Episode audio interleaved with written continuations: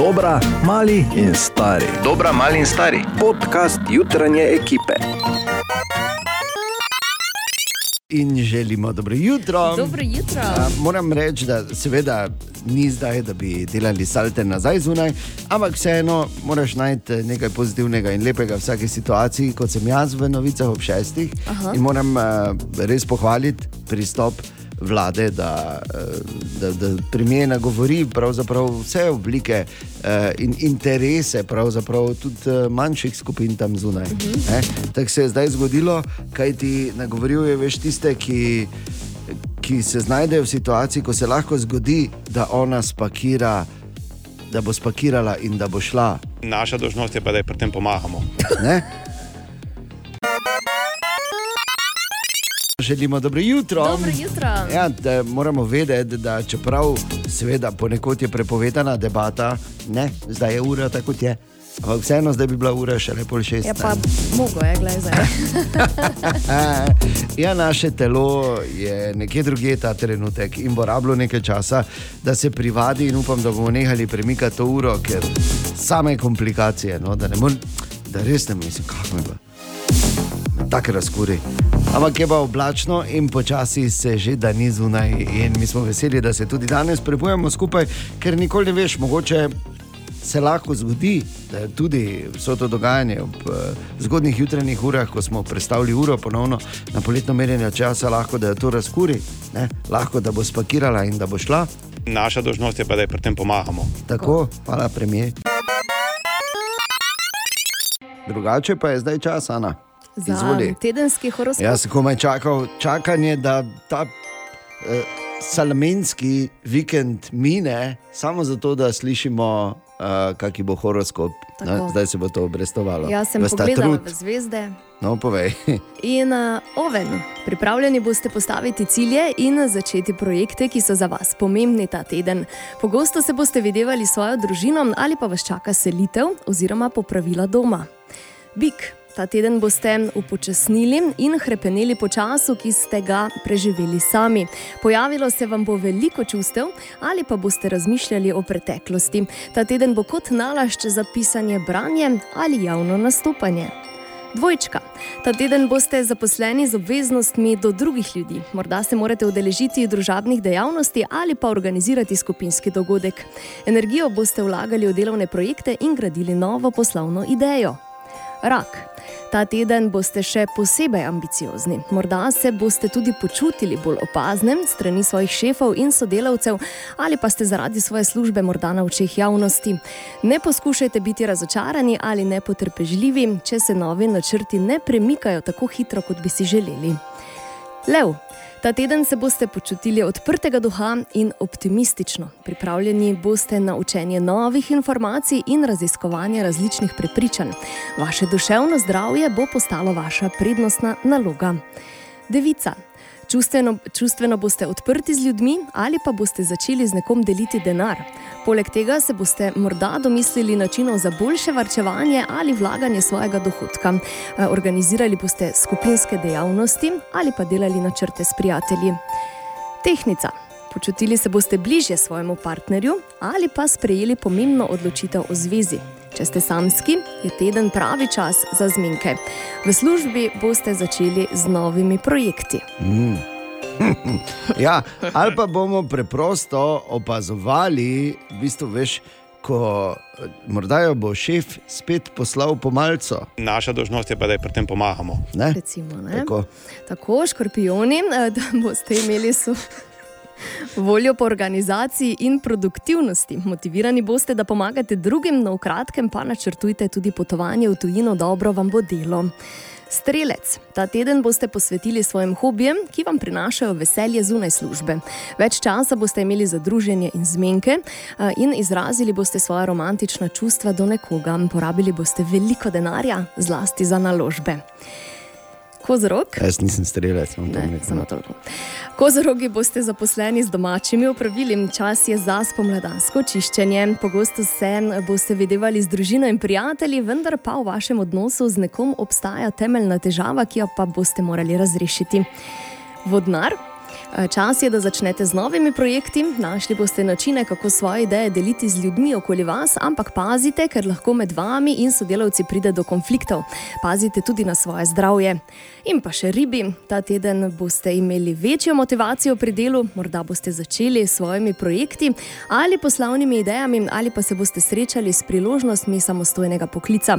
Eh, Morda boste tudi raziskovali nov hobi in pridobili več zaupanja v svoj edinstven ustvarjalni glas. Priložnost samostojnega poklica. Odpuščen bom. Ne, po mojem ne več, veš, da je zamujene vse te številne priložnosti. Ker če do zdaj nisi bil bor, se rivaš kaj zabavati. In čas za še eno iz rubrike, možno je samo pri nas.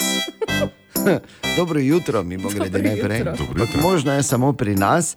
Zdaj, malo nazaj, ko je Ana seveda reševala ta teden z tedenskim horoskopom. Jaz sem samo tako opazoval, lepo in nič nisem hotel reči, veš, ko si skoncentriran, ko imaš nalogo, ko, ko, ko ti nastopaš, ko bereš, rabiš koncentracijo. Jaz Ja. ano, gledam in tako bolje gledam, več je imela nekih črnih kuglic gori po mizi. Kar je seveda Ana sama opazila. Ne, in se spraševala, mislim, to je normalno vprašanje, mimo grede, da si ga zastaviš. Pred sedmo zjutraj v studiu, v zaprtem prostoru, spomladi, zgodaj spomladi, zakaj imam jaz vedno več borovnic na mizi, ko berem? In kaj se je zgodilo, Ana, Ja. povej? Ker včasih jih jem za zajtrk, pa No, no, pač bila no, no, no. asociacija. Ja, moja zapisnica z vulkanskimi kamni In se je razpletla, ne? razpletla in mm. pač izgledajo kot borovničke. Ja, tako bolj male, bolj boge. Ja, Tako je bolj kot ti, ja, kot ti v glažu ostanejo na potegne, koncu. ja. Ja. Ja. No, hočem samo povedati, da če misliš, da imaš probleme. Ana Borindejan, želimo dobro jutro. Dobro jutro. Dobro jutro. Ponedeljek, 27. marec, začenjamo teden odštevanja do 22. rojstnega dne reporterja Milana z vašimi najljubšimi iz celotne zgodovine, iz celega uposa. Napiši, katera je tvoja na našem Facebooku. Ne pozabi, prvič, mimo grede, čez približno 20 minut. Ampak eno stvar moram povedati, ko sem iskal malo te eh, stare Milane in šaril, veš, po Ja. eh, tej Arhivi. bogati zgodovini. Ja. Ja. Snašel tudi enih par takih posnetkov, ko sem si mislil, bi bilo boljše, če jih ne bi bilo. Vse mi je nerodno. Ampak Daj, kaj no, čez, to je bil del tega. Pač to je en outtake, ko smo nekaj snemali, eno od resnic, pa ni šlo vse gladko. In kot se reče, vse mi je nerodno. Samo, Daj, kaj no. češ? Ne mislim, mogoče ne bi zdaj zavrtel tega. Kaj, Stisni. kaj mislite? Ne, mogoče ne bi. Pa zakaj bi? Daj, Mislim, kdo se sploh o tem pogovarja? Ja, ne, res. Ne, se res. Gremo dalje. glej. no. Miley daj, Cyrus no. že čaka s hitom Flowers. Zakaj? Ok. Dame in gospodje, reporter Milan, bom crknil. Dame in gospodje, reporter Milan, sem pa na. Kaj? Ne moreš verjeti. Ja. Dame in gospodje, reporter Milan, sem ponovno na. Kaj pa ne? Ja, nekaj se ga fafo. Zgleda, zgleda, pa nisem dol pojedel. Več moram grgrati.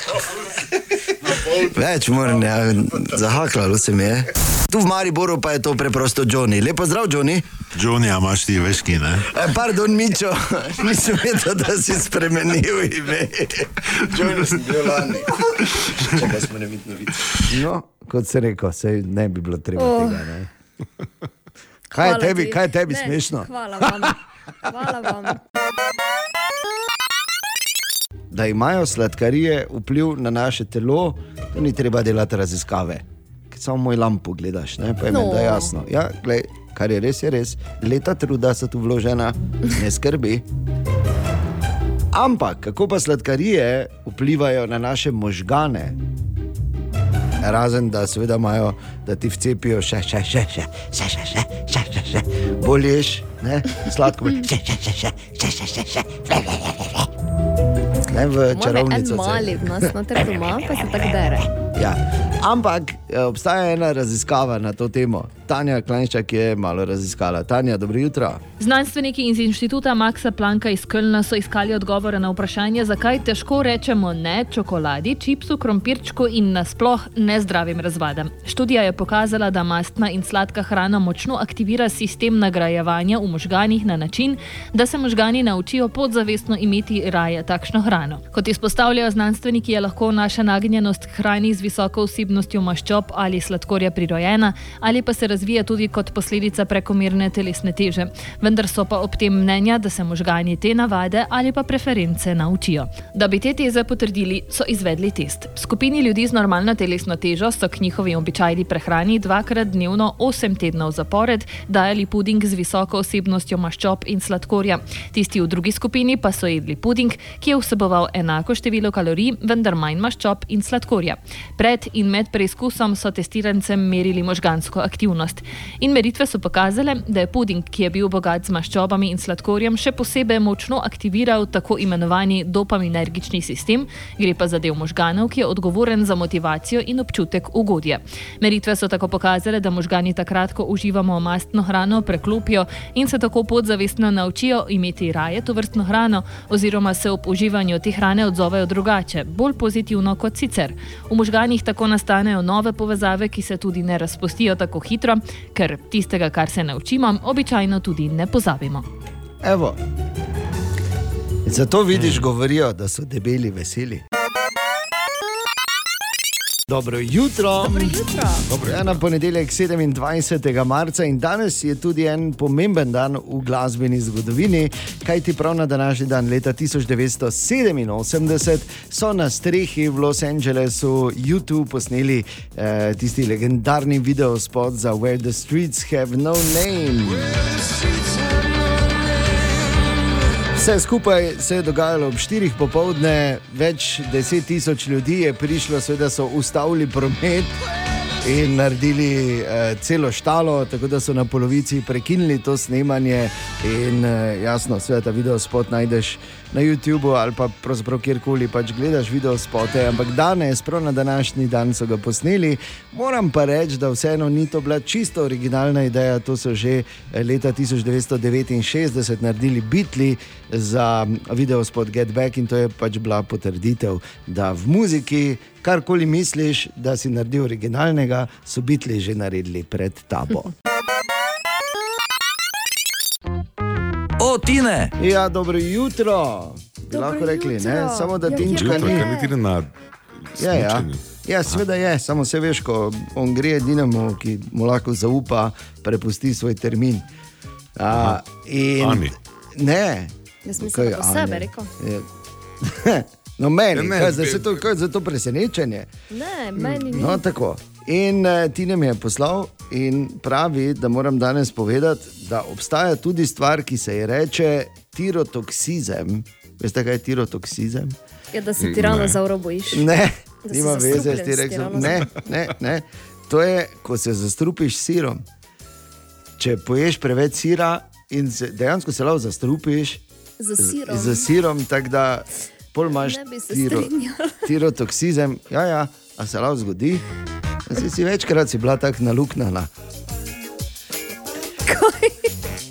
Kot sira. Se, dobro, kakorkoli. Skratka, ko ješ sir, se, se moraš zavedati, očitno, da si po fizi, fizionomiji dosti bolj tom kot Jerry. ne? Tako da pazi. Hvala, kolega, za Ne, ni zanimivost. problema. Ja, pa pazi, ne, da ne boš naluknjena. Spet.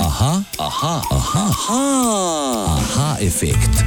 In v High-Effectu, torej Bor danes odgovarja na izjemno zanimivo vprašanje Maje, ki pravi, ali res obstaja Mc- McDonald'sova univerza, kjer dobiš diplomo iz hamburgerologije. Bor, Zdaj tako je. Rečejo ji Hamburger Univerza in uh, Ray Krok, ustanovitelj podjetja, je tudi ustanovil izobraževalni sistem. mimo grede, naj samo povem, da jaz gledam, kot da sem doktoriral iz te daj. Ja, res je. Ja. Prehitro. Profesor, docent, dr. Dejan Vedlin. Ne? Ja, no, komod. Hamburgerologija. Absolutno, Eh, glej. Študenti tu tam dobijo tako diplomo ki je notri natisnjena v pomfriju, ampak ta diploma jasno ni neuradno priznana, Ni. niti uporabna za zaposlitev ali nadaljne študije. Je pa res, da po drugi strani pazi to hinovščino. Ne? Vsako leto je tam več kot 275 tisoč ljudi, konča uh, ta mm, proces uh, Izobraževanja. Ja. Ja, in imajo več znanja hamburgerologije kot kdorkoli drugi. In tudi 40 odstotkov McDonald'sove globalne vodstvene ekipe je obiskalo ta Hamburger University. Tako Da, uradno priznano ali ne, zgleda je ne, to kot uh, neki pogoj, da ti lahko spležeš više.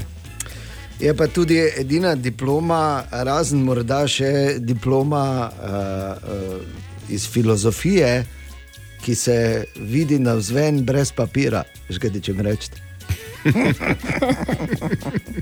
Ali tudi vi pogosto totavate v temi? Aha, efekt, da boste vedeli več. Dobro jutro. Dobro jutro. Dobro jutro. In naj samo povem, da sem kar vesel, ker kaj je super junak brez svojega velikega sovražnika, brez svojega nemesisa, ne? brez svojega. Uh. In uh, v Borovem primeru sicer tu zdaj govorimo o vokalnem, ne? uh, oziroma izgovorjalnem uh, uh, sovražniku. In malo sem bil v skrbeh, kajti začelo se je leta nazaj, ko nikakor ni mogel izgovoriti besede papež, ki je bil papuš, pampaš in vse živo. Ja, Pampaš. pampa, pampaška cesta je bila. Ne. Pampaš je Večkrat, ko enkrat. je. Večkrat, ja, seveda. Potem uh, se je, je postal uh, ta kamen uh, težek, velik, težek kamen spotike. Naš bivši predsednik je vedno bil proti Pahor. Ja, proti Pahor, ja. Nikoli Borod, vedno bil proti Pahor. In pol je šel ne, proti, in me je bilo strah. Kaj pa zdaj? Ampak ni bilo treba dolgo čakati, kajti zdaj pa je naš premijer Borod Glob. Tako da, super. Jaz sem vesel za tebe, Bor, da ti tako. Glob, se ti- se ti trot z- in pampuš. Ja, papuš oziroma pampaš. Lepo, ne? Veš kaj tako bom rekel, ne? Zdaj, ko mu je podpora padla prvič pod polovico, ne? ja, kaj te to preseneča? Dobro jutro. Dobro jutro. Dobro jutro. Ne pozabi, temperature zunaj so precej nizke, eh, pod ničlo, minus ena, minus dve. Če si na Pavličevem sedlu, danes zjutraj imaš minus šest stopinj, pa rabi zimsko opremo, seveda, če hočeš iti prek.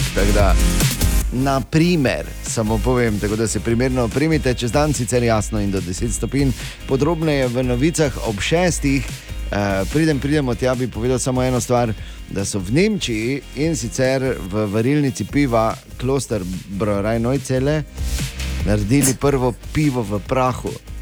Ne. Ja, Ne. ja, Mm-mm. se. Ni- ni Pa še potrebe je to potem. praktično, ko si neseš dve gajbi v žepu. Že. V vsakem žepu eno gajbo, vse kar rabiš je voda. Trenutno sicer eh, je ta. vodo se meša? Ja, ne, čim Ja, ne se- vem. s čim- No, s čim bi ti mešala? Ne, zdaj pa ne, ustavi, tak, ne, nikamor ne gremo, gasno sem podlagal. S čim bi ti prah, prah mešala, da bi postal spet pijača? Oziroma, bi, Mogoče bi pivo? nisem dobro, po, dobro poštudirala, ampak lahko čim bi? ve- Ne. vem z radensko. Kaj, kaj pa je radenska? Ja, mineralna voda. Je voda ali ni Ja, voda? je, ampak mineralna. Če hočeš iz praha dobiti tekočino z okusom, pol prahu moraš dodati. Ja, No, vodo. no evo. Hvala lepa.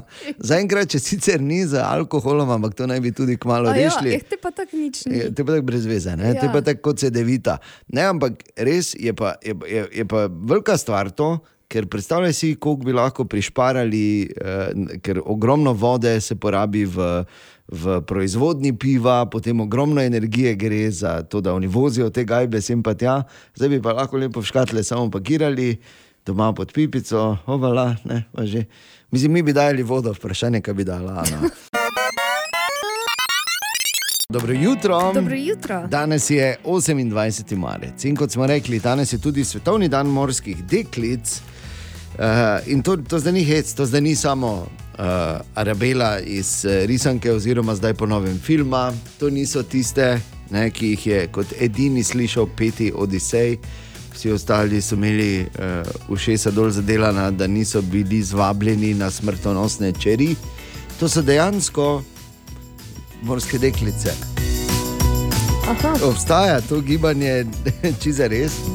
Ja. In eh, če se spomnimo, eh, med korono še tam. Eh, Dve, dobri dve leti nazaj, v bistvu dve pa pol, smo imeli tudi, smo takrat gostili eno morsko Mhm. deklico, morsko deklico Barbaro.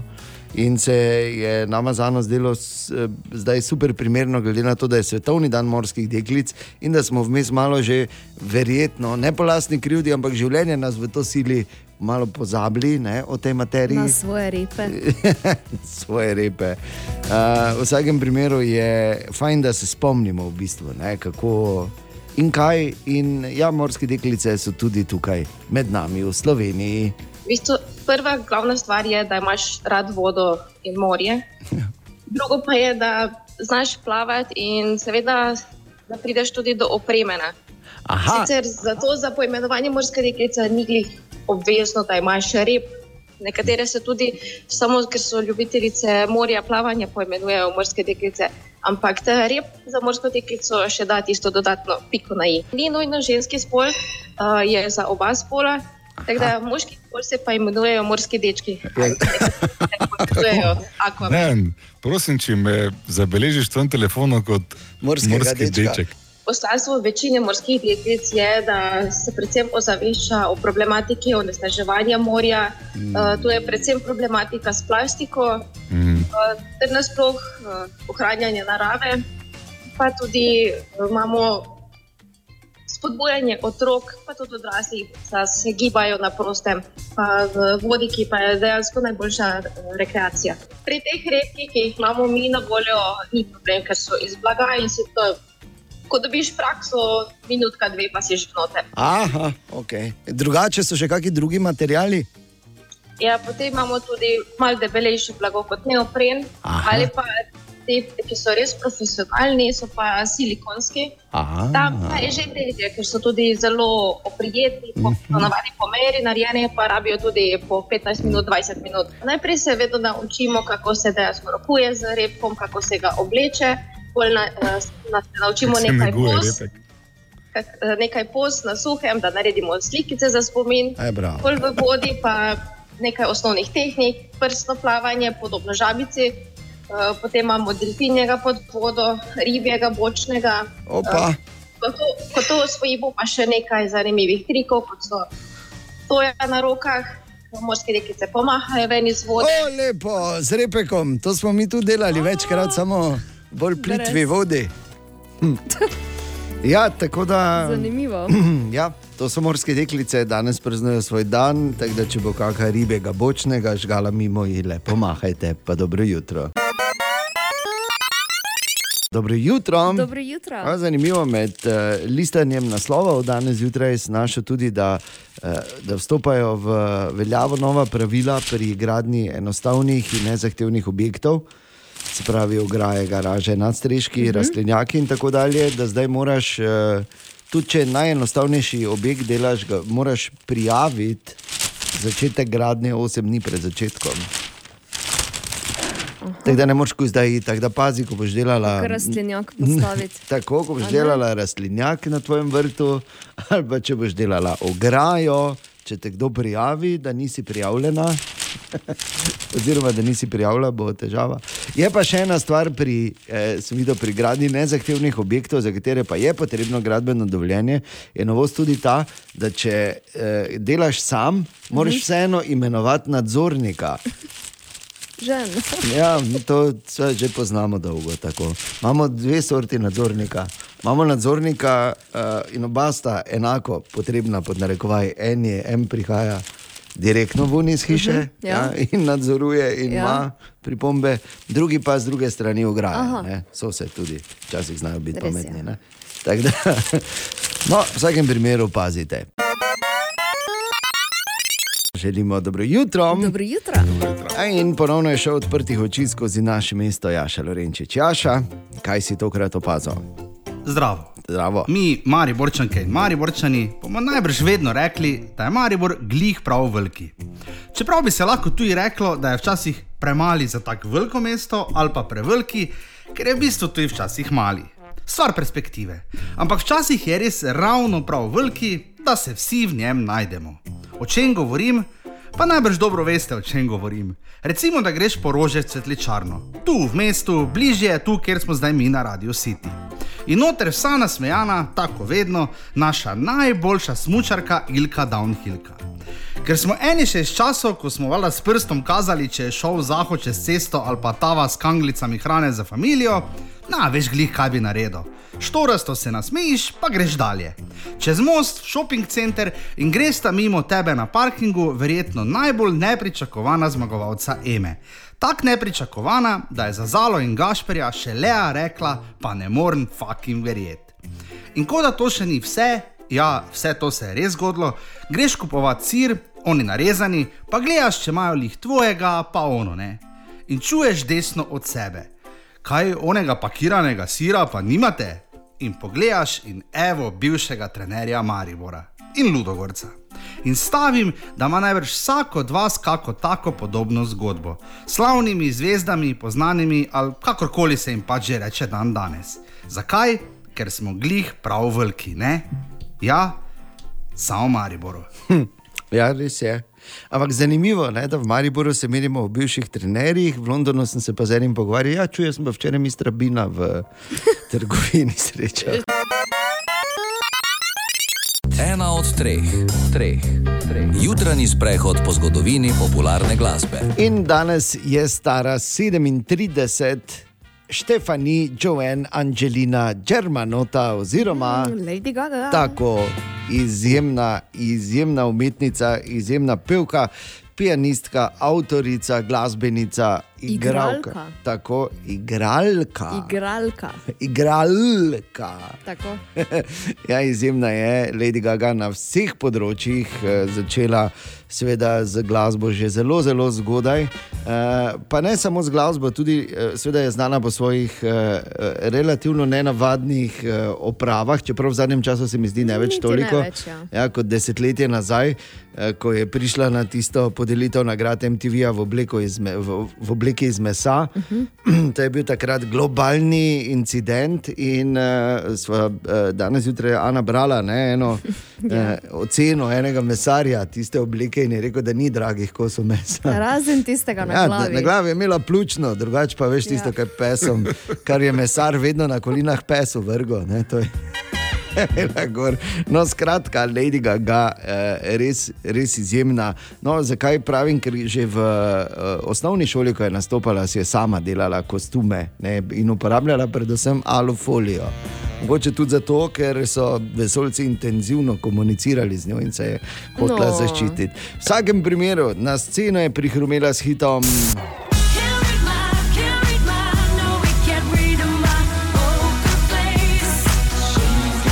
In potem se ni ostavila, recimo s hiti kot so The Edge of Glory.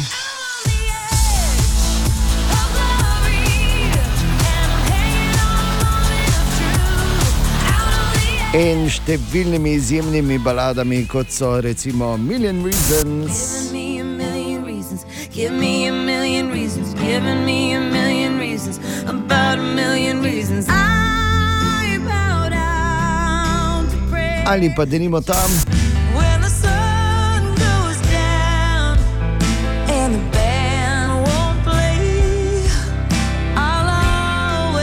remember us this way. Izjemna je Lady Gaga in danes praznuje 37. rojstni dan, in mi se ji poklanjamo z Born This Way. Dobro jutro želimo. Dobro jutro. Dobro jutro. Naj samo povem, da uh, smislo par minut nazaj, veš, tako pogledaš, pa te nekaj preseneti in nekaj absolutno nepričakovanega, kar je v bistvu pričakovano bilo. In sicer, pogledal sem levo in smisel, oh, kaj te imamo. Ta prver predstavitev v studiu ena. Kot si saj, ne, lahko da si naredila samo zajtrk, Ja, ja. veš, ko si si je prinese. lepo, ne, Dolžen zapakirati. totih, ja. Ja, pa pa skupaj daš. Ne? Aha. Ampak Veš, ko Jaz zlagam. se pravičujem, Ana, koliko so to ti lepi spokrovi? Jaz sem imel štiri, to te. Ja, jaz gostim to predstavitev, kaj imam darilo. dobim. Ja, sicer pa se veš, kako so rekli. Ne? Idite, moderatorji, preveriti, ali roden štok stekla res štimajo. Pa sem šel. V iskanju resnice o steklih roden štok sem tudi jaz šel v akcijo. In sicer sem šel v optiko Optocenter na Turnirjevi 17A v Mariboru, eh, kjer seveda lahko dobiš eh, roden štok stekla in še toliko več. Ampak najprej, seveda, ko prideš, moraš najprej preveriti, ali se sploh kaj spoznajo na roden štok stekla, pa se Anja recimo ni dala presenetiti. Res je, rodni štok je trenutno edini, ki ima tako imenovani ekstra klin. To je sloj, ki nam pomaga, da naša očala niso skozi umazana. Antirefleksi so zelo dobra zadeva, ker ščitijo naše oči pred negativnimi vplivi, modra svetloba, luči. Ampak imajo eno slabo lastnost, to je to, da so zelo statična in se zelo hitro umažajo. In s tem ekstra klinom mi to preprečimo. Tako da, hvala lepa, roden štok, da ne rabiš skozi, joj, pa daj spet si moramo čala spucati, ker je neverjetno, če tudi če se ne dotikaš, imaš skozi vsrana očala, lahko ne. Točno tako. Sledil je pregled, kjer smo ugotovili, da je. Uh, je hmm, uh, malenkostna, ja, bom rekel. Aha, ja, in ocena. Okay. To bi pa bilo okrog nekje plus 1,25 dioptrije. Ne? Resno. Imamo še tisti manjši cilinder, tako da veste. Kaj to pomeni zdaj? V bistvu rabite samo očala dejansko za bližinsko delo kot tako. Aha. Se pravi, od računalnika do kakega branja, kakih papirjev, dokumentacije ali karkoli takega. Tam, kjer se recimo usedete za več kot eno uro, da uporabljate za blizu, tam boste rabili v bistvu dejansko očala za blizu. Ne? Ok, torej jasno je bilo, rabo bom očala uh, in zato verjetno sledil še najlažji del tega in sicer izbira okvirjev. Anja, mi dva zdaj tu gledava te čudovite rodenštok okvirje, to je vse narejeno v Nemčiji, ne? Točno tako, to je vse narejeno v Nemčiji, tudi iz vrhunskih materialov. Ok, medtem pa samo še zraven si ena, očala rabim samo grega. kaj si nor? Anja, zdaj ko pogledaš ti ta moj prečudovit obraz, kaj bova rekla, kaj bi bil, recimo, ko me pogledaš, kakšna očala bi mi, okvirje bi mi predlagala. Mogoče tale, ta so plastična, so zelo udobna. Okay. Ko supermen sem, ne? Razen, okay. če bi želeli, mogoče kaj v svetlejši barvi. Probajva v svetlejši, glej, svetlo, eh, ne. Bolj A, a, temna. Ne, ja. Pa kakšna temna. klasika. Klasika, klasika, malo kovine, ne? Tako, metal po nemško, ne? da bo- Hmm, kaj ima rekla? to ti je mal premali. To pa mi ni, to pa doskrat nisem slišal v življenju, tako da si moram ta stavek zapomniti. Seveda smo potem to z lahkoto vse uredili in moram reči, da je bil moj obisk optocentra na Turnirjevi več kot super. Priporočam. Tako, res priporočam. V vsakem Bravo. primeru pa, ja.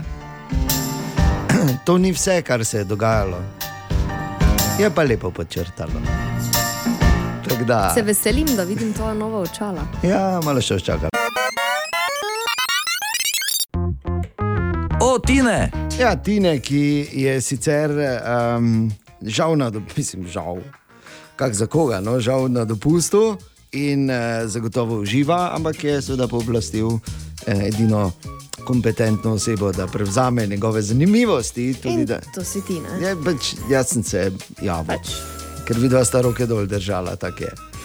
In uh, Tina mi je poslal, da moram povedati za danes, da je najdaljša pot, ki jo lahko prehodiš, ne da bi prečkal kakršen koli ocean ali morje na svetu, ta od uh, Cape Towna v Južni Afriki do Magadana v Rusiji. Pot je dolga 21 tisoč 806 km, in če bi se odpravil, v bistvu uh, bi, jo, bi moral hoditi 4310 ur. Če si, če si sva ne bi gležna skeglo vmes ali pa kaj podobnega, ali pa ti ne bi koliki spadal in pač se to, ali te ne bi levi napadli, ali pa vse veš, vse, vse te Dosti je preprek na tej poti. Ja, ne? je. Ne? Bolezni, virusi, opice ne, in ostali primati. Tako da v vsakem primeru, če se odpravljaš na to pot, srečno. To je vse, kar bom rekel. Hvala za zanimivost. Ja, hvala ti ne. Ne bomo tega Upa, šli. upam, da imaš slabo vreme. Torej, da je Klemen Slakonja izjemen igralec, to smo vedeli. Da je izjemen pevec uh, in uh, zabavljač, v bistvu pa je pokazal tudi svojimi številnimi avtorskimi uh, YouTube uh, v bistvu senzacijami, ki jih je pripravil. In potem, ko je v Cankarjevem domu doživel uh, stoječe ovacije, zdaj s svojim velikim koncertom, prihaja tudi Maribor v uh, dvorano Ondine Oteklasinc v SNG-ju. Jutri zvečer o pol osmih je torej predstava in uh, zanimiva transformacija, torej, ne Klemen, zdaj od igralca. V glasbenika. Ja, v bistvu zadnje pet let, kar sem dal odpoved v drami, um, se posvečam pretežno glasbi. Dobro, še zmeraj tudi igram v gledališču, vodim razno razne prireditve, ampak pred petimi leti so me povabili k sodelovanju uh, pri Big Bandu RTV Slovenija in takrat smo naredili eno serijo koncertov, ker sem se pol na novo zaljubil v glasbeno um, ustvarjanje, na petje na odru, ker že kot otrok sem zelo rad pri babicah, ker takrat še nismo imeli doma takšnih snemalnikov in te take možnosti, kot imamo danes. Babica je imela nek star kasetofon in jaz sem tam snemal svoje albume in tako kot otrok. In potem nekako sem začutil, da se moram ja. Um, Temu 100% posvetiti, če hočem kaj dati od sebe. Povabil me k sodelovanju Igor Leonardi, kitarist, um, ki ima čez uh, večere v, jazz klubu Ljubljanski grad. Uh, in je rekel, če bi nekaj skupaj ustvarjali, z manjšo zasedbo, kot on na kitari, uh, basist in bobnar. In potem smo začeli, smo naredili nek program. Poimenovali smo se Small Band kot kontra utež uh, proti utež Big Bandu, s katerim sem imel istočasno nastope. In zdaj od takrat v bistvu kar igramo nabira se nek material pač in mojih imitacij, in svetovno znanih hitov, in nek konglomerat vsega. In zdaj smo vse skupaj to nadgradili še s dodatnimi glasbeniki, z brass sekcijo, trobenta, saksofon, pozavna in s klaviaturistom. Ja. Tako da jaz neizmerno uživam na odru. In ja, super mi je ta energija, ki se pretaka med uh, nami na odru in med uh, publiko. No, sicer pa mimo grede njegov veliki koncert, torej Klemen Slakonja, veliki koncert jutri zvečer pol osmih uh, v Mariborskem SNG. So pa verjetno kondicijske priprave na take nastope malo drugačne kot na gledališke Klemen. Ja. Najprej sem se dobil s Tadejem Tošem, da sem ga vprašal glede stilske podobe, ki, ki, ki mi jo. Uh, Predlaga. Tako da mislim, da sem našel ta pravi kostum. Zebra bom, oziroma zdaj sem dal v bistvu um, na Instagram anketo, kaj naj bom, zebra, gepard ali klemen slakonja. Mislim, da sta zebra in klemen tam tam nekje, tako da bom še videl, no, kako, kako se bom na, odlo na koncu odločil. Potem za mojo nasploh kondicijsko pripravo sem se dobil z Dejanom Zavcem, ki me je tako dobro užgal, da mi je izbrisal vse bolečine v vratu, ki sem jih imel, tako da sem zelo vesel, da bom zdaj uh, lahko. Trdno stopil na oder. Tavares me je pa naučil, kako zabiti gol na odru. Tako da jaz mislim, da sem pripravljen. No. Tu je naš priljubljen jutranji segment iz Borove špajze. Bor. Dobro jutro. Dobro oh. jutro. Spandex, spandex, blends, stretch, denim, eh, lažno ustnje. Eh, mnogo materijalov je trenutno na trgu, ki so raztegljivi. In zdaj nisem si mislil, da bo moral kdaj si vzeti čas in se malo pokloniti modi, ampak trenutno moda hara. Zato, ker poslovne obleke, ki so narejene uh, iz raztegljivega materijala, reklamirajo pa se kot yoga poslovna obleka, to se mi zdi Mm. najbolj genialno. Ne? Je verjetno najboljši izum v zadnjih 350 letih, ker pozabi vem, stroje, eh, parne lokomotive. eh, Vse to je brez stroje, v bistvu. Ne? Ja, ne, To je mislim, ostale stroje. Gonilo industrijske revolucije. Naprimer, ja, ali pa ne vem, penicilin, pa te neke obskurne stvari, neko več nobenega zanimajo. Raztegljive obleke. Hm. In to je trend, ki je tako močen trenutno, ne, da absolutno pravijo modni strokovnjaki, nas bo popeljal v nove zmage na delovnem mestu in doma. Mm. Jaz sem danes predtem, ne, da si kupim prvo tako obleko in seveda, zdaj zlobni jeziki bodo rekli, ja, kaj si tako debeli, pa boš lažje dihal.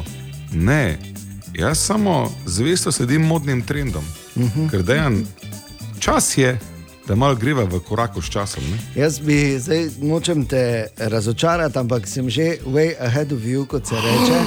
Namreč, ja, Kaj? jaz sem lani eh, proti koncu leta v bistvu naredil premik, ki se mi je zdel, da se ne bo nikoli zgodil. Eh, po desetletjih sem zamenjal model Levisk, oziroma Levisk. Ja. Potem, ko sem desetletja skozi imel 501, sem zdaj prešaltal na 502, ker je malo streč. Jaz te zelo razumem, ker sem jaz šel po isti poti, ne? ampak zdaj je čas za naslednji korak. Ne? Obleka, ki je raztegljiva. Ker Ne. srajco, ki je raztegljiva, imam že dva tedna in ti moram povedati, najboljša stvar na svetu.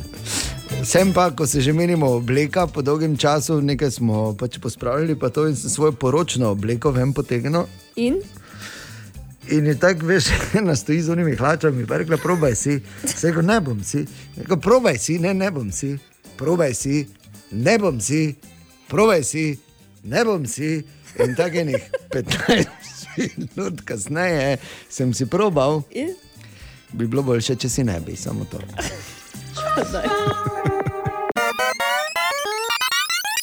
In želimo dobro jutro. Dobro jutro. Okay, zdaj pa je jasno. Najpriljubljenejša družbena omrežja med mladimi so, naredili so veliko raziskavo in ni bilo nekih presenečenj. WhatsApp, YouTube in Instagram. YouTube, YouTube sem rekel, kaj sem rekel, YouTube. Ja. Veš, kaj je kvaliteta mi Tega skozi ne poznajo mladi, pardon. veš. Ampak eh, bomo morda spremenili z veliko truda, ker bi Ja. morali. Ampak ja, YouTube in Instagram, to so ta tri omrežja, in pa pravijo, da naj bi počasi in zanesljivo prodiralo omrežje Biril, ne bi rad spet Ja, kazal na res očitno. Ne bi rad kazal na očitno, kdo je Biril je pripeljal. Dve leti nazaj. Ja, kdo ga je pripeljal v našo mini komuno? Vedlin, Ki nima družbenih omrežij. Mislim, imam, imam, ampak dobro. Pač nisi eh, aktiven, aktiven. eh, totalno. Katero je tvoje naj, apropo aktiven? Zadnjič sem po dolgih letih uh, na Instagramu objavil eno fotko, koliko so ga boro heknili, Sem ti da ne bi izgledalo, kot da ne bi. Uh, čakaj, Kot da nisi aktiven. ne. Ja, bom zdaj na brzino heknil še enkrat, čakaj, ker to moram. Uh, ne heknil, pač slikal. pardon. Zdaj boš slikal. Ja, moram, so, kaj sem se dal. Opala. No. Kaj lahko, čakaj, new post, next. Zakaj, zakaj to? A se moram najprej slikati, pa pol objaviti, tako to dela na Instagramu. Samo malo Ne, moram zdaj to rešiti. Tudi direktno. Ne, ne, ne, ne moreš. Ja, lahko. Kje? Res. Ja, ok, dobro, če, bo, bom kasneje. Okay, bom, bom, pa če sem, pa če mi noče. Ja, pa imaš malo kamero. Ah, no, skratka, čaj, če gremo nazaj, uh, da ne bi zdaj uh, toliko o mojih nerodnostih na družbenih omrežjih. pomagala potem. Uh, ja, hvala lepa, Ana, prosim lepo. Moram, da ne bo meni heknili še. Ampak katero je tvoje najljubše? To je zdaj to vprašanje. Uh, jaz, v bistvu, sam po sebi sem že dal odgovor, ko sem rekel, da sem Biril v bistvu pripeljal leta nazaj. In to je tudi edino mreže, ki ga občasno uporabljam, v zelo zaprtem krogu smo, Ja. ne, samo enih par nas je, ki si delimo te momente in to je super pribirilo, da, da, da ni to.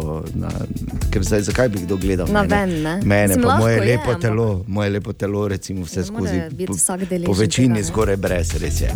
Tvoje najljubše, Ana? Uh, Instagram. Instagram Mhm. tudi, The Gram. Ja, ne, Instagram. The Gram. Uh, Facebook se mi je precej zameril. Mm, Bi rekel. leta. Tako da pač bolj kot ne stagnira, vse prošnje uh, stojijo. In še bodo Tako da nekaj časa. ne. upravičujem in še bodo ostale. tako Ja, kot ja.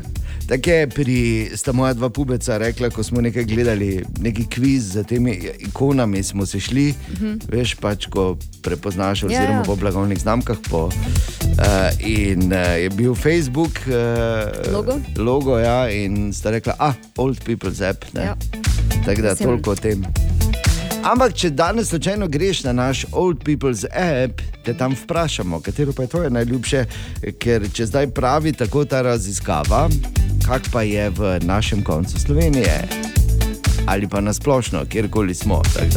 Najpriljubljenejša mreža med mladimi je WhatsApp, YouTube in Instagram, kaj pa tvoje, servis 211, lahko pokličeš in poveš, ali pa napišeš na naših DO. Želimo dobro jutro. Dobro jutro. Torej, medtem ko vrtimo, opa, opa, la. To si si dal. To sem si dal. Sem Kaj se zdaj sledi, mene Seveda zanima. sem se zmotil, ampak je pa kul, cool, ne? Glej z razlogom. Tako, vse oh, se dobro zgodi z jutro. razlogom. Ja, glej, kdo tako zgodaj vstane, a zelo ne misli, zato ker tako zgodaj vstanejo samo lopovi, ne grejo spat. Tisti, ki pa zgodaj vstanejo, pa pošteno delajo. Ja. Tako. In seveda sama seksi telesa, da se trene. Absolutno nisem hotel tega v zadnje, ampak če že, se zdi tudi na mestu, kaj ti uh, v teden uh, že in še bomo odštevali do 22. rojstnega dne reporterja Milana, ki je to soboto 1. aprila z vašimi najljubšimi resnicami in napišeš jo na našem Facebooku ali pokličeš na servis 211. Ampak ko smo uh, šarili po teh starih posnetkih, smo našli tudi naše stare flopse. In ta je meni še, je, mislim, eden od najbolj legendarnih, ena najbolj legendarnih resnic, um, vsaj za me, je tista o enem, uh, ki je potoval na Kitajsko in tam iskal neke resnice in prinesel nazaj Old Česen song. Česen, ki je zdravilen. Kdo je rekel, česen?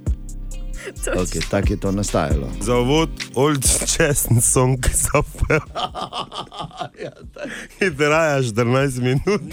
Kdo je rekel česen? No, česen. Kaj pa česen, fantje? Ne bomo vedeli, kaj pa če. Ne bomo vedeli, Saj to je dobro. Kaj pa česen, Tonji, honji, monji. Originalen, old-česen song je to. Tako da napiši, in tudi danes zjutraj bomo pač šli malo skozi te spomine. Želimo dobro jutro. Dobro jutro, Dejan. Ja. Res- Ja, Hvala, Ana, samo meni dobro jutro. Ja, glej, Ne, hvala. vsem, to je bila vejca vmes. Okej. Uh, prej si me vprašal, če smo na tezno že kolo odkrili. Ne? Imam odgovor, veš? Resno? Mhm. Dobro jutro, Matej pri telefonu. Dejano povejte, da mi na tezo narajemo biciklov, da mi se še vedno stamiči vozimo iz tama. Tako zdaj veš, ne? Hvala lepa, ne, ne bi nikoli dvomil. Jaz bi samo povedal, da ni, da eno je hec, ne, da pa tezno igra zelo pomemben, uh, pomembno vlogo v mojem življenju. Že od malih nog, številne lepe trenutke sem tam preživel. Vidiš? Ne na zadnje nam je tezno dalo Ano, ne, kraljica Ne. vsega, vse organizacije pri nas na radiju. Ne na zadnje smo mi od tezno peli pesmi. Ana, ko si ti bila še zelo mala in ko so dejansko še delali tamiče v tamu, skoraj da. Skoraj da. Ne smo mi naredili odo tezno. Včeraj sem na teznu bil, na drugi strani mesta. Pri tamu sem se ga napil, mi oska bila je cesta. Pri tamu sem se ga napil, mi oska bila je cesta. Včasih smo barabe bili, smo rekli, mi smo stezna. Zdaj smo pa že dedi vsi, Jaz grem domov. ker baba je že jezna. Zdaj smo pa že dedi vsi, Jaz grem domov. ker baba je že jezna.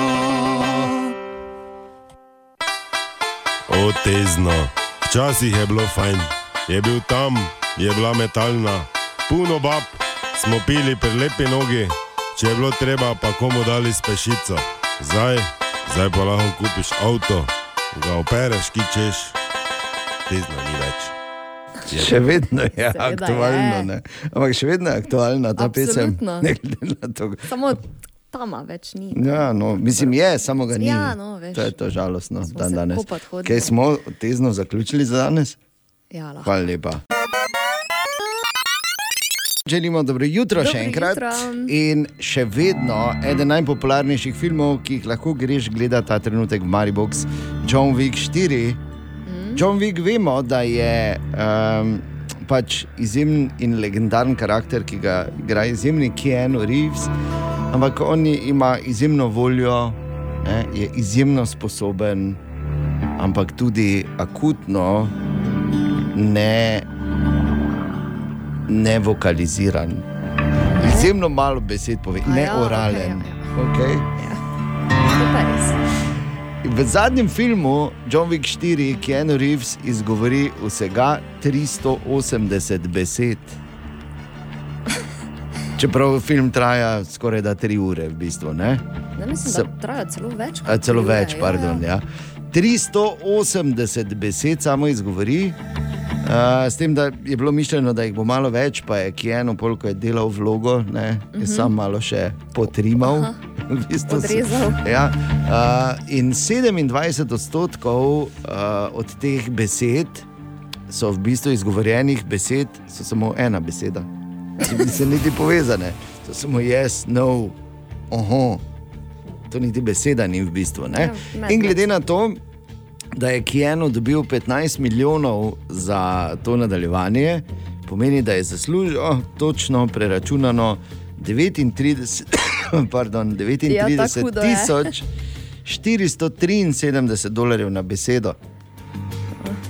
Ne, glede na to, da je zdaj ura 46 Da, ja. minut, če bi bila mi dva tako Ja, plačana, Ana, To je bila prva bi zdaj bila že milijonarja zdavnaj. Koliko lapamo. Ampak eh, žal je John Wick samo eden in kar veseli je, prihaja tudi petka brez skrbi, štirko pa si lahko ogledaš v Mariboku. Ena od treh, treh, treh. Jutranji sprehod po zgodovini popularne glasbe.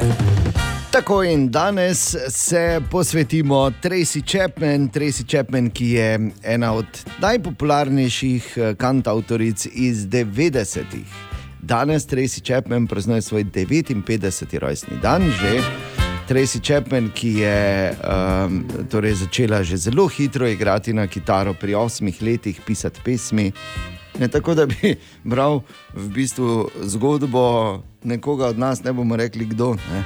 ampak kdo je Ja, samo da je moče malo bolj aktivna, ne, s, eh, družbeno in politično. Ja, Taki- pa dobro, no, ampak zdaj od začetkih ne, se pogovarjamo. Ja, od začetka pa identični. Ja, tako. uh, naj bi za njeno kariero, oziroma zato, da je sploh postala uh, glasbenica, bila odgovorna njena mati, najprej, ker jo je rodila. tak s- Verjetno? In pa zato, ker je že pri treh letih kupila uh, ukulele in je potem uh, Tracy bila cela masna ne, in je to vse zašpilala. Kaj je bila? V tako se reče. Ja, ne. vem, jaz sem resno. pa čudno se sliši. Se. Ampak na to so prišli res super, lahko bi rekli, kar eh, legendarni hiti, predvsem eh, v, ob koncu 80-ih in eh, v začetku 90-ih, ko je bila Tracy tudi na vrhovih glasbenih lestvic s takimi legendarnimi kot so Fast Car. So I remember when we were driving, driving in your car. Speed so fast, I felt like I was drunk. City lights lay out before us, and your arm felt nice wrapped around my shoulder. And I, I had a feeling that I belonged. Ali pa denimo For My Lover. Two weeks in a Virginia jail for my lover, for my lover. Twenty thousand dollar bill for my lover, for my lover. Ali pa recimo s hitom Talking About Revolution.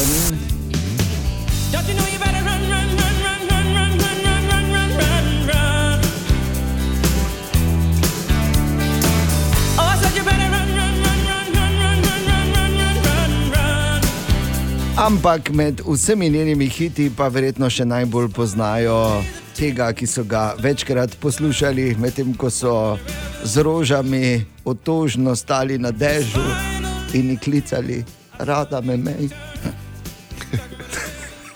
Tako je bilo. Ja. Baby, can I hold you? Želimo dobro jutro. Dobro jutro. Dobro jutro. Samo malo bolj v novicah, zdaj kaj bo, Humus Akademija. Tako, prva Humus Akademija. Humus Akademija. To pomeni, da v teoriji bi mi dva kot uh, uh, laureata lahko šla samo ležati, malo ne, Naprimer, ne? pod smreko. Želimo dobro jutro. Dobro jutro. Dobro jutro. Torej, ko smo danes zjutraj prebrali in eh, mimo grede štartali tudi pač eno interno eh, oziroma lokalno raziskavo na naših družbenih omrežjih, namreč naj bi bila najpriljubljenejša omrežja med mladimi WhatsApp, YouTube in Instagram, in katero je tvoje, eh, seveda ta, ta debata teče na družbenih omrežjih. Seveda, kje pa druge. Ampak, ko rečemo družbena omrežja, je tu en velik misterij, ko je čas, da seveda spet vprašamo, kako daleč je, ker bojda ta trenutek, odkar so mu par dni nazaj heknili njegov Instagramov račun, oh. nagovarja ljudi kot nigerijski princ, ki rabi pomoč. Ali kaj je zdaj, Bor? Uh, kriptomilijonar, ki mu je uspelo. Ali samo nedolžen prijatelj, ki rabi tvojo pomoč pri registraciji v futbol, ligo ali nekaj takega. Ampak to je vredno, ne? ker zdaj, kljub temu, da je hek eh, kar dobro izpeljan, ker začnejo vedno pogovor z ali mi lahko pomagaš. Kar je zelo značilno za mene, ne Zelo, kjerkoli hodim in- zelo. Ja. Zelo. Eh, Malo manj pa je kredibilno, ko začnem jaz eh, razlagati ne, o teh ostalih stvarih. Skratka, Kak je v jaz- Nigeriji? Ne? Ja, jaz na Instagramu še vedno nisem jaz. Jaz sem te blokirala, pa nimam težav. Kaj? Ja, pravilno. Tudi prijavi me, prosim. Tudi to sem naredila. Prijavila Hvala. si ga. Prijavila sem Normalno. njegov profil in sem ga blokirala. In noben nigerijski princ ne piše. No, No, lepo. vsaj ta ne. Vsaj nigerijski princ Grajner, ne, Tako. ne? edini nigerijski beli princ. Uh,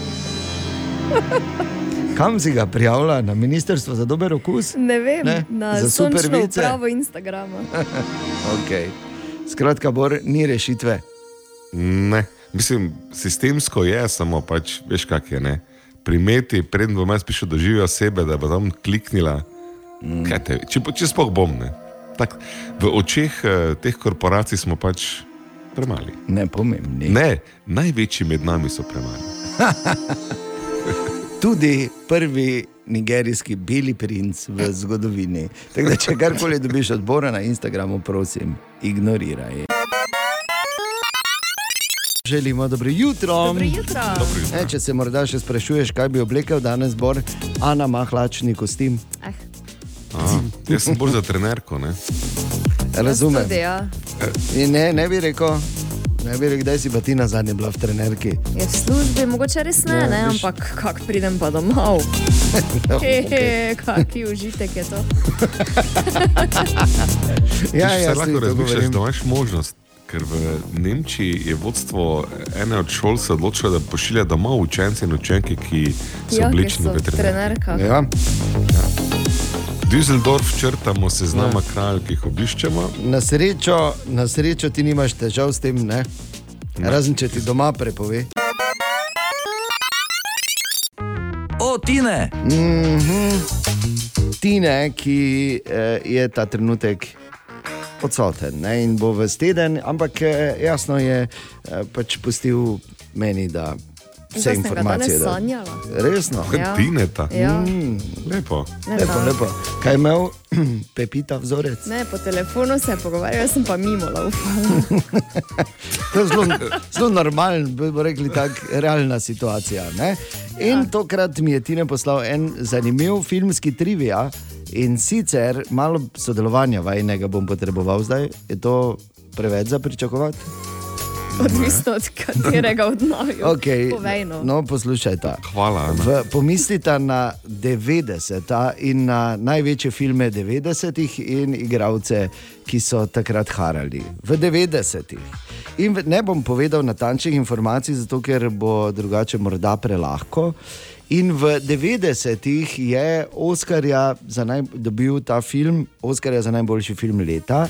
Hkrati pa je dobil ta igralec tudi Oskarja za najboljšo glavno moško vlogo, čeprav se je v filmu pojavil, oziroma bil v filmu vsega 16 minut.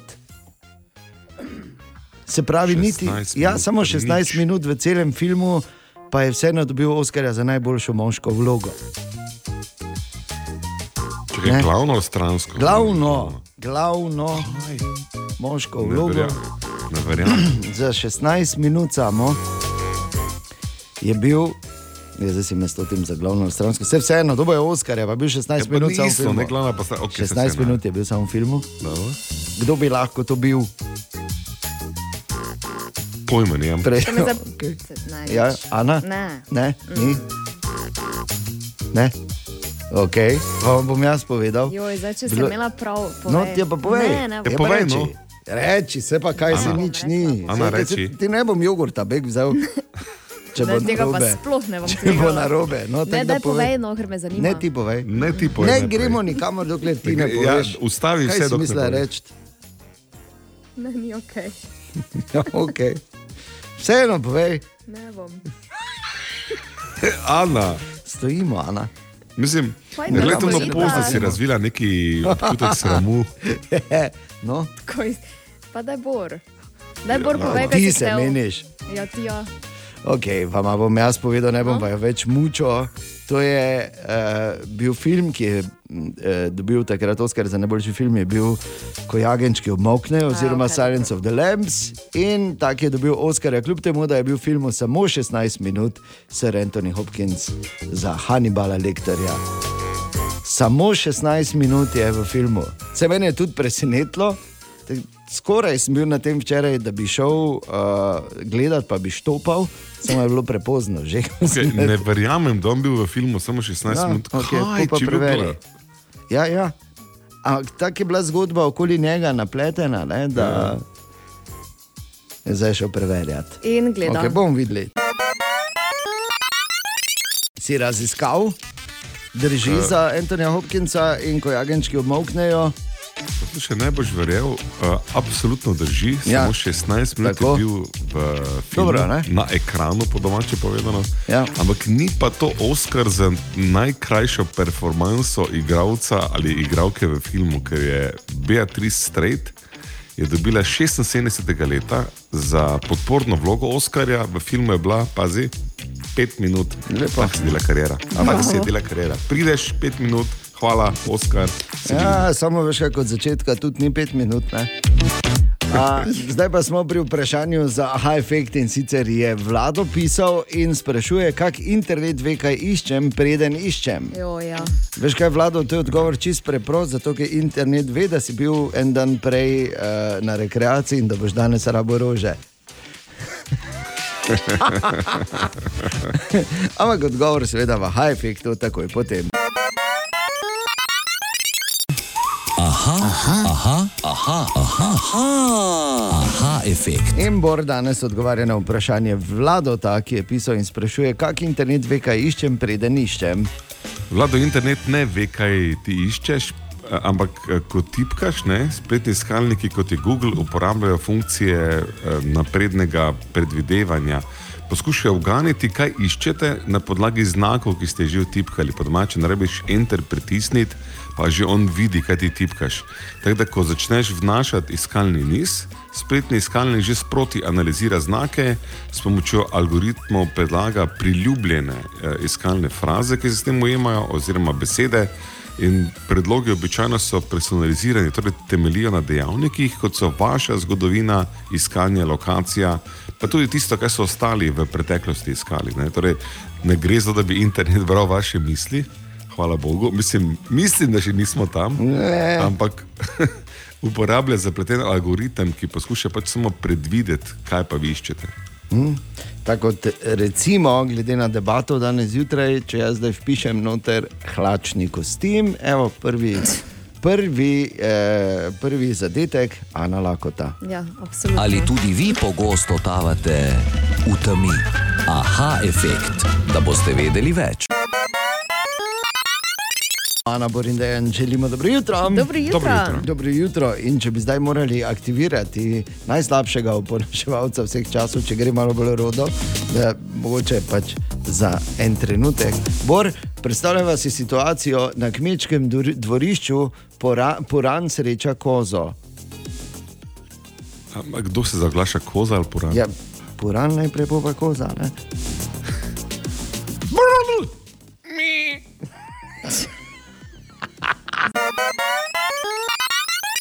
To je naš priljubljen jutranji segment iz Borove špajce.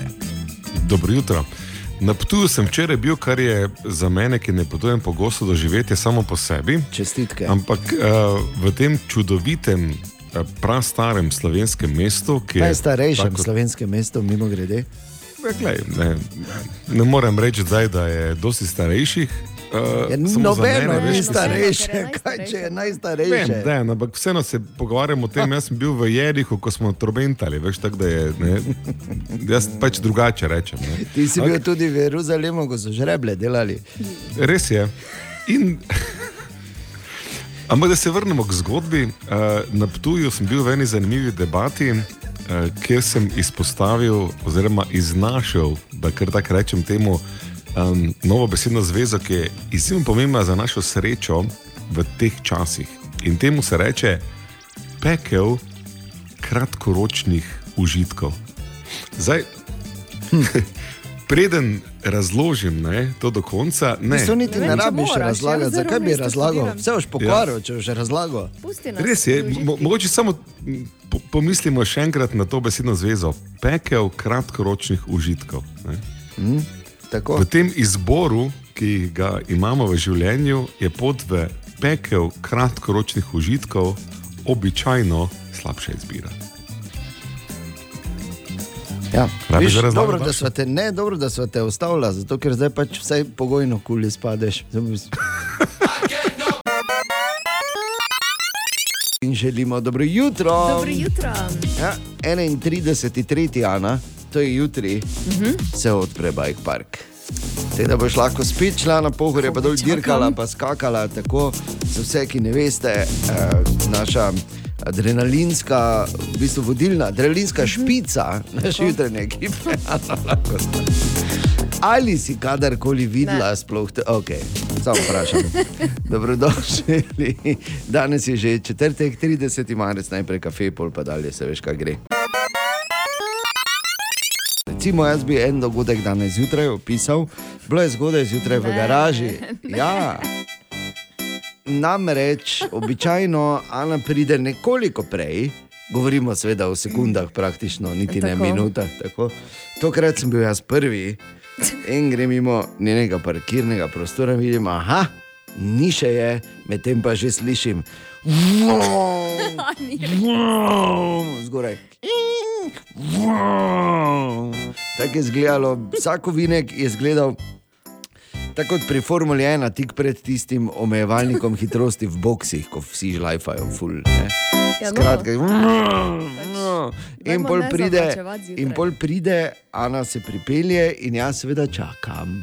Jaz bi lahko šel Pred naprej. mojim parkirnim mestom. Ne, ob, ob. No. Ja. Uh, lahko bi šel gor, vemo, da bi lahko šel gor, ampak si mislil, to bo zdaj komedija. In sem počakal in imel povsem prav. Ana je že veš tisti izraz na obrazu, ko je sicer me videla, da ko se je pripeljala, pa me je pozdravila z nasmeškom, ampak je bil veš tisti za nasmeškom, ko govoriš in ti bik, Zgini, ker bo parkirala." Kaj še, pa to je normalno, da nimamo radi, da nas nekdo gleda, ko parkiramo. Ja, to Jaz imate, cela to- žučna postajem, polje imam še dva ogromna stebra, med katera moram stiščati moj avto. Tako. Naj samo povem, to imate ženske večjo težavo. Ker nisem še nobenega moškega slišal, da bi to rekel, samo zato. Ja, no, pač nimam rada. No, in pol karkoli si mislite, da se je dogajalo, točno to se je dogajalo. Ni šlo, prvo, Seveda drugo, je tretjo, dvanajstkrat je popravljala. bolj ozko je. Ja, seveda, dvanajstkrat je popravljala, da je no spravila. Pol je- Medtem ko je dejan stal in me je gledal Ja, v obraz noter v avtu. O, genialno je bilo to in pol je postavila avto tako, da bi zadaj lahko še dva motora parkiral od stene v stran. Ampak dobro, Glej, toliko, glej nekdo ne ti ga bo veš. zahaklal, ko se bo naprej peljal, to ti povem. Ampak eh, glede na vse, kar si preživljala in oh. malo zašvicala, ko sem te gledal dan zjutraj, kako parkiraš, Ne. je tako bilo še vredno. Hvala, kolega, res. Zato pravim, imeti oči odprte, ker komedije čakajo na to, da bi jih gledali. Dobro jutro. Dobro jutro. Ne, se znaš parkirati drugače, samo danes ti ni šlo. Narečja so zakon, Ha, kva, koga, kaj? Ma ne razumem. Ja, Marko, fra. Dobro jutro. Jutro. Zadnje smo iskali narečne verzije te povedi. V temi sem stopil na krtino in si poškodoval nogo. Pozdravljeni, sem Barbara, prihajam iz Brezovec v občini Dornova. Stavek v našem narečju pa se glasi: V temi sem stopila na krtinovec, pa sem si nogo svrdarbala. Bog daj, jaka zober že tu, pri nas pa temu rečemo tako. V temi sem stopil na krtovijak, pa se taco zjabo. Sem Martin iz Lipovec, pri nas pravimo tako. Mici sem stopil na krtovinjak, pa sem si nogov v obrnil. Sem Sonja in prihajam iz Prlekije. Naše narečje je zakon. Temi sem stopil na krtinovec, pa si pofardarba nogo.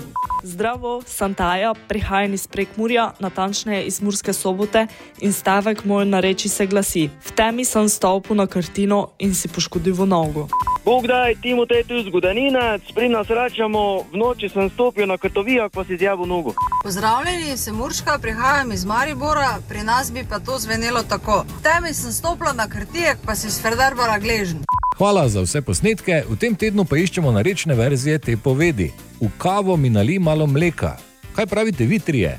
Zguba, zgrabljenec in zgrabljivec. Kak ste rekli na tezno, Ana? Malo mleka in smuzni v kafe. Smuzni, smuzni. Kaj si hecna? Jaz sem odraščal, uh, bom rekel tako, niti ne kilometr zračne linije v stran. Pa ste imeli nalili tega. malo mleka Ja, ja. Dajte mi malo mati, mati. mleka, mi Kave. nalite v, v kafi. Seveda. To smo pa le rekli, Dobošak, kafe. ne? Ne? Ja, seveda. Ja. Mi smo vedno govorili višji zborni gorenski jezik. V bistvu. Ampak zelo zanimivo. Uh, sploh vem, da v Prleki imajo cuncni, cuncni mi ne malo. Malo me je. Cuncni, uh, na tezno, kot smo slišali, cmuzni. Ne smizni. Kam zdaj to ti ü? Pardon. Prekmurski. Ja, ne preprleški je bil, pardon, uh, uh, ker je bil na I. Prekmurski je malo drugačen, menda.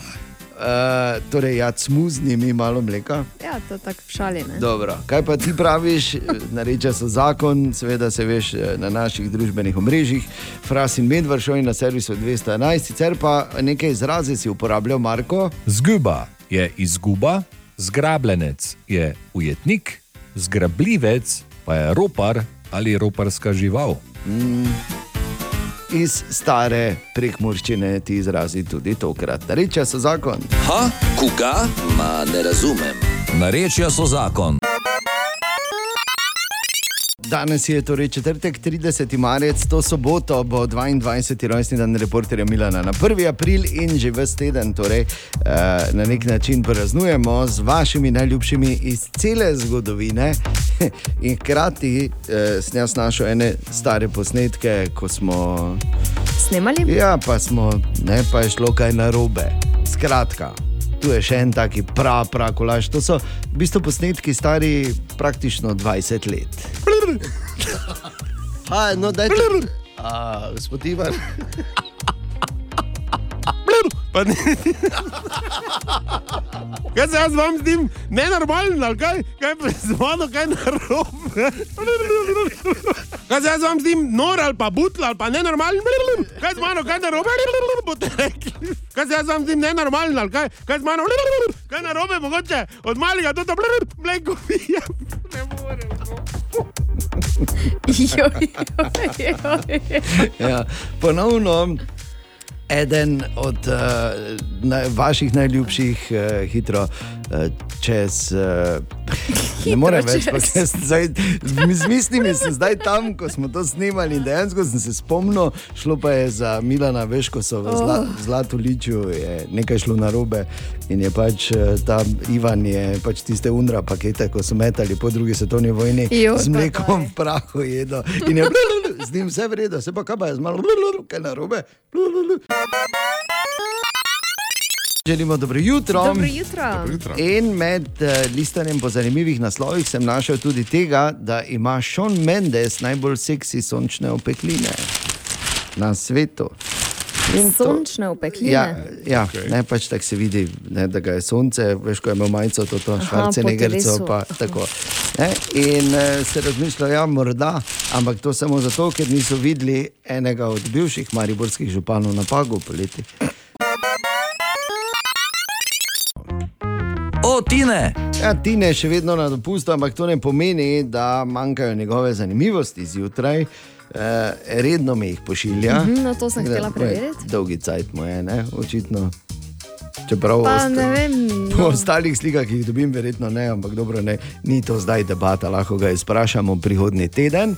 Ampak pazite to, iz živalskega sveta je tokrat. Uh. In moram reči, da me sicer ni presenetilo, jaz sem to vedel, ampak vseeno, ko se tako prebere, je vseeno. Pazi že uvod, samice hijen. Joj. Ja. Torej, ne, nimamo ni nobene politične kon- konotacije, direktno iz živalskega sveta je to. Samice hijen imajo pseudopenis, ki je skoraj tako velik kot pravi penis pri hijenah. Aha. Ne. Okay. Torej, pri hijenah se je začelo. Zgleda, to bo ja. zgodovina rekla, ne. Mi bomo rekli, da je to p- torej, uh, pojav, ki se je preslikal, ne, ali pa ga marsikdo pozna, ne? da imajo pseudopenise. In tu je vprašanje za Hajfek danes zjutraj. Marko je pisal in je postavil zelo kratko vprašanje. Ego riva, kaj je to? E-goriva. Ja, okay, Ego riva. Vem dve stvari, eh, lahko povem za ziger. A, to ni elektrika, in B, to ni ono, kaj jejo na tistih partijih. Ne? To je tudi nekaj vrste. Okay. Tako da, ja, Marko, dobiš odgovor v Hajfektu, takoj potem. Aha, aha, aha, aha, aha, aha, aha efekt. In Marko je vprašal, ego riva, kaj je to? Bor. Gorivo je katero koli gorivo, ki je pridobljeno iz obnovljivih virov energije. Sončna energija, vodna, biomasa in tako naprej. Ampak definicija e-goriva je, mm. da je oglično neutralna. Tako da pazi, obstaja uh, e-kerozin, e-metan, e-metanol in ta goriva proizvaja na ta način, da sintetizirajo uh, ujete emisije CO2, -ja, uh, dodajo vodik in potem naredijo obnovljiv vir energije. To zdaj ne pomeni, da eh, e-kerozin ne oddaja CO2 v ozračje, seveda ga oddaja, ampak je v enačbi potem nula. Tako da vsa goriva, ki se na ta način obnašajo, so e-goriva. In zdaj večinoma v industriji, recimo avtomobilski, se fej stavi na električne avte, ampak fajn, ne? Večina letal je pretežkih, da bi lahko take baterije dvignila, tako da zato ne e-goriva oziroma e-kerozin. Aha. Aha. Okay. No, mislim, samo da vemo, ne, eh, da, da kar nas čaka po letu 2035. Ne vem, če še bomo mi dva takrat vozila. Nične emisije avtomobilov in veliko sreče s takimi avti. Ne? Ja, sedi pravim, ne vem, če še bomo mi dva takrat vozila. Bor, veš. 2035. Seveda ne. Pa ne zato, ker ne bi zmogla, ker bo imela to gnara, da ne bo drugi A ja, vozil. Se pa dobro, to to je osnovni načrt. Ni to osnovni načrt, Bor? No, evo, tako. Pa veliko sreče. Ja, res. Se spomnite tiste šale o svinji in koruzi? Ali tudi vi pogosto totavate v temi? Aha efekt, da boste vedeli več. Odprtih oči pa hodi skozi mesto naš eh, jutranji zunanji opazovalec Jaša Lorenčič. Jaša, kaj si tokrat videl? Zdravo. Servus. Vsake toliko se zgodi, da zaradi drugih spoznamo, da to, kar Maribor dela Maribor, sploh ni tako nujno samoumevno. No, pa čeprav nam je, ne. V petek se je recimo nekdo resno in glasno vprašal, v bistvu pa pritožil, zakaj Mariborčani uporabljamo črko H tam, kjer je ni treba. Ha, kaj? Ja, ker vi rečete hcat, pa kaj je to? Odkot ta vaš H, če se pa vse posod reče zgolj S, torej scat. Kje nas je najdo? Ja, mi pač rečemo, recimo tudi za vreme, da je hcalo, ne? Boljše že kot uscal se je, ne? Zakaj? Ne mogoče pojasniti. Enako kot na mestu, recimo, ni bilo nikoli blizu, da že tam nekje pri Lenartu, Atejeva sestra ni več teta, ampak teta. Kar gre v štrit z ono parkrat slišano bizarno razlago, da se koroška začne že pri fontani. Ko je tabla za konec Maribora, cesta pa se zabriše dol v Vinek. Mogoče je pa ravno to tisto, kar nas dela tako samo svoje, ker se pač v kamnici zaradi te table najbrž noben nas sekira, če jih tako moti gre okoli, ne? Če že kot čitamo, se bodo najbrž kje res iz drugih razlogov odcepili od Maribora skupaj z Bresternico. Jo, če ni ratalo malečnikov, hm. Mi smo sicer mojstri heca na svoj račun, e to je Maribor. Je padla oni dan debata o spominih, pa zvine nekdo na pravi strani šanka, da se v nulo spomni vsega, kak je bilo, ko je, no, zgubo nedolžnost. Zbrani poslušajo, pol pa Kelner zaključi z, ja, se kaj, za leto dni nazaj pa se res ni tako težko spomniti. Ja, samo Maribor. Ja, in da dodamo še ta H, ne, in upam, da sta bila sama, da ni bil še kdo hcoj. To je naš priljubljen jutranji segment iz Borove špajze. Torej, Bor. Dobro jutro. Jutro. Um, če vemo, kaj v Borovi špajzi smo zelo potrpežljivi, strpni, razlagamo se svet okoli nas in današnja tema so spremembe, ki so najločljiv del naših življenj. Spremembe nas spremljajo od rojstva do smrti, lahko jih dojemamo kot izzive, lahko jih dojemamo kot priložnost za osebno rast in razvoj. Tak, filozofsko gledano, spremembe niso nekaj, kar se zgodi okoli nas, v bistvu, ampak so del naše notranje narave in razumevanje sveta, kot ga mi vidimo. Uh, spremembe so lahko tudi vir tesnobe in strahu, predstavljajo negotovost in neznano, ampak kljub temu, da lahko izzovejo stiske, tudi omogočajo priložnost, da odkrivamo nove poti in raziskujemo lastne meje. Ne? In zdaj, ko smo teoretično podkrepljeni, naslednji teden bomo v trgovini zopet mogli račune jemati. Pa kaj ste nori, ali kaj pa če kome smo se nadali, da jih ne jemljemo, zdaj pa zopet tako. Kdo, kdo si to spremembo zmislil? Pa zakaj? Ja, kaj si pa, tako si volo, tako pa imaš. Ne, jaz moram včeraj, ko mi reče, da je to trgovka, Moral kaj res ne? ne morete Pač moral si. malo se odločiti, vi kaj bi radi. ali Jaz kaj? pa ne vem, da jih vmes nismo rabili. Ja, vem, Ana, vem. Jaz sem šele zataknjena v času. Ja, samo vseeno gledamo to ti rododendron, kak je požrt. Ni, kaj že, Olan. Pa kdo je požrl rododendrom? ne? Ja, res. In ali je izstavo račun? Ja, in ga, ga je vzel pol tudi. ali Ja, kaj? tako. Dobro jutro. Dobro jutro. Dobro jutro.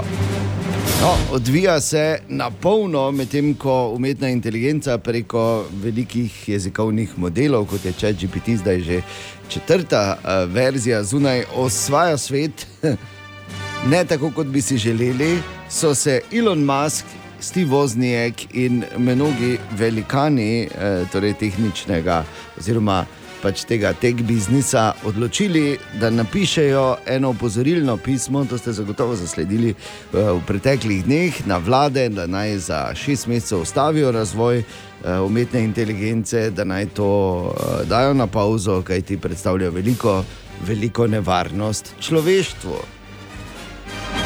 Ali to, ali pa so pač, ker se noben od Microsofta pa Google za res ni zraven podpisal, ali pa so pač za ostanku, pa bi jih radi malo firclali. Oj, oj.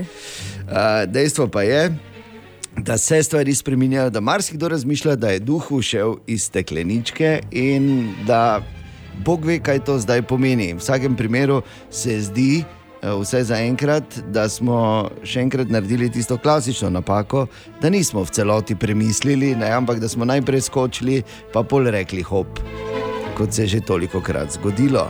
Zdaj tezno je varno, Ana, vse Ja, za enkrat. Bom vprašala, kaj pravi. Malo preveri. Ne? Uh, ampak ne, uh, čisto za res je pa uh, seveda to vprašanje, ali bodo uspeli postaviti, kajti, oziroma ustaviti, kajti uh, po nekaterih informacijah naj bi ta optimizacija, ki jo prinaša kognitivno računalništvo, uh, pomenila v bistvu kar do 7 odstotkov višji BDP za nekatere države, kar je seveda ogromno denarja. Je pa res, da napovedujejo, da naj bi kar 300 milijonov ljudi izgubilo službo. Saj to ravno ne. Ne? Ampak, gledaj, se, se bodo pojavile nove službe, če ne drugače, lahko mi, tudi če se bi slučajno začelo odvijati, pa če ustanovimo neko službo varuhi tezna, dobrega imena in vsega lepega, odkud je vse prišlo. To bi podpisala. Recimo. Ne. Okay. E, bomo videli zdaj, kako se bodo te stvari razpletale. V vsakem primeru je potrebno bolj kot strašiti, se mi zdi, da je nujneje izobraževati, Mhm. ne, ker pač najlažje ostrižeš tumasto ovco. da to je ta stari pregovor. Jaz ljubim tvoje prispodobe in Ja, pregovore. ampak, ampak vse je res. Ne? Ja. Eh, Bi pa samo zaključil ta jutranji razmislek z enim pravicem, eh, na katerega me je v bistvu spomnil Elon Musk, sem ga pa poznal že kar nekaj časa nazaj, ko so ateistični, uh, ateistični inženirji delali superračunalnik samo z enim namenom, da bi računalnik vprašali, ali Bog obstaja. In oni delajo, delajo ateisti, totalni. Uh Mhm. -huh. In delajo ta računalnik in to, in lotajo, in naredijo. In pol je to najmočnejši računalnik v zgodovini, klako računa, ful. Ne, in napišejo noter vprašanje ateistični eh, znanstveniki, ja. ali Bog obstaja. In jim računalnik eh, nazaj napiše, obstaja zdaj, da fakas. Ne? Veš, kaj ti hočem reči? Dobro jutro. Dobro jutro. Kaj bomo zdaj, petek, 31. marec? Kaj imamo tu, kot se reče? Jaz vem, kaj imamo tu. Kaj imamo? Prvič in primerno iz rubrike Tezno je ustalo. To si zdaj naredil jingle živo. Ja, pa, pazi še Da še gledaj. enkrat. Novo in primerno iz rubrike Tezno je ustalo. To bi Dobro, lahko ne? posnel potem. Jaz se strinjam. Po vseh, teh, eh, po vseh teh letih, ko sem se trudil, da bi ta pokriven zapostavljen del našega mesta, poglej samo zdravstveno postajo sramota za občino, no. da smo si na jasnem, eh, nekako le približal, uh, veš, ne, se zdaj. Širši publiki. Tako ne? veliko je naredila Ana, ki se je tam rodila. No, ne, V bistvu tvoja pač- mama je naredila, dosti tako bo rekla, da te je tam rodila na teznu. Ja, ni, kaj misliš, da me je na tezno rodila? Ne, pa se vem, da si v bolnici, samo Okej, pač ti tam pol, samo. odraščaš, od tam si tam, si, ne veš. In zdaj je dobila končno pomagača. In to je še en simpatičen poizkus. Dobro jutro, Matej, pri telefonu. Dejano bi vprašal, če se upa s tamičem peva čez tezno, ker pubeci se menijo, da se dogošča ne upa čez tezno peva. Matej. Jaz bi samo rekel, da se je dogoščan čez tezno vozo, ko še ti nisi vedel, da tezno je. Ne? Ja, pri krožnem gor pa priperli ven. Ni bilo krožnih, ko smo se mi potezno vozili. A ja, veš. dobro, no, tud mislim. Ptujska še ni bila dvopasovnica v eno smer, tako da ko smo se mi potezno vozili za APN-om. Torej, gledaj, Matej, ni problema, če zrihtaš tamiča. Z veseljem pridem, Ja, pa se prosim, peljem, ki češ. prosim. Ki če. Samo pazi, ker še nimam C izpita, mora biti to neko USB lahko voziš, ok? Matej, ja, zdaj pa tišina, ne? Zrihtaj tamiča, pa gremo potezno. Gremo odkrivati čudovite kotičke tezna. A, veliko Bomo jih je, Posneli dokumentarec, Ana bo moja vodička, Matej ti pa si lahko intendant. Lahko pa Matej vo vozi, pa pač si ti samo sopotnik. Ne? Ne, ne, si hecna. Ne? Če tamič, veš, da jaz vozim. ne. Da, tamičem. zmenjeno, E. čakam te, na tvoj, ti si na potezi, Matej. Dobro jutro. Dobro jutro. Dobro jutro. Evo ga, skoraj nemogoče vprašanje. Ko je vprašanje veliko bolj spektakularno od odgovora, ali pač. Tudi danes iz statistike iz Evropske unije, tako da se dotika tebe, Ana, tebe, Bor, tebe, Primoš, Petra in Hermina. Vseh nas. lepo okej? ime. ja, v redu. Ok, pazi to. Za danes ta, to skoraj nemogoče vprašanje pravi. 10 odstotkov prebivalk in prebivalcev Evropske unije, torej tudi danes je unisex vprašanje, velja za vse. 10 odstotkov, eden ali ena od desetih je že kdaj preživel ali preživela šest mesecev brez tega, oziroma brez da bi počela ali počel to. Pila Kaj je to? kavo. Pila kavo, Ana. Ne. Prosim pa. Ja. Kadila? Nope. Premaknite se, ni nič za jesti. Ali pa za pit. Ja, Ali pa za to je več. še. Ni. Ni. Mm. Ja, kaj? Si jo, si jo čubor? Ja. Ja, no, veš, kaj mislim, veš, okay, tega, če greš po tezno, pa ti kar reče, ti veš. No, Čakaj, uh, šest mesecev brez, tega. Ali pa brez, da bi počeli to, no, mislim, kakorkoli. gledali televizijo. Nope.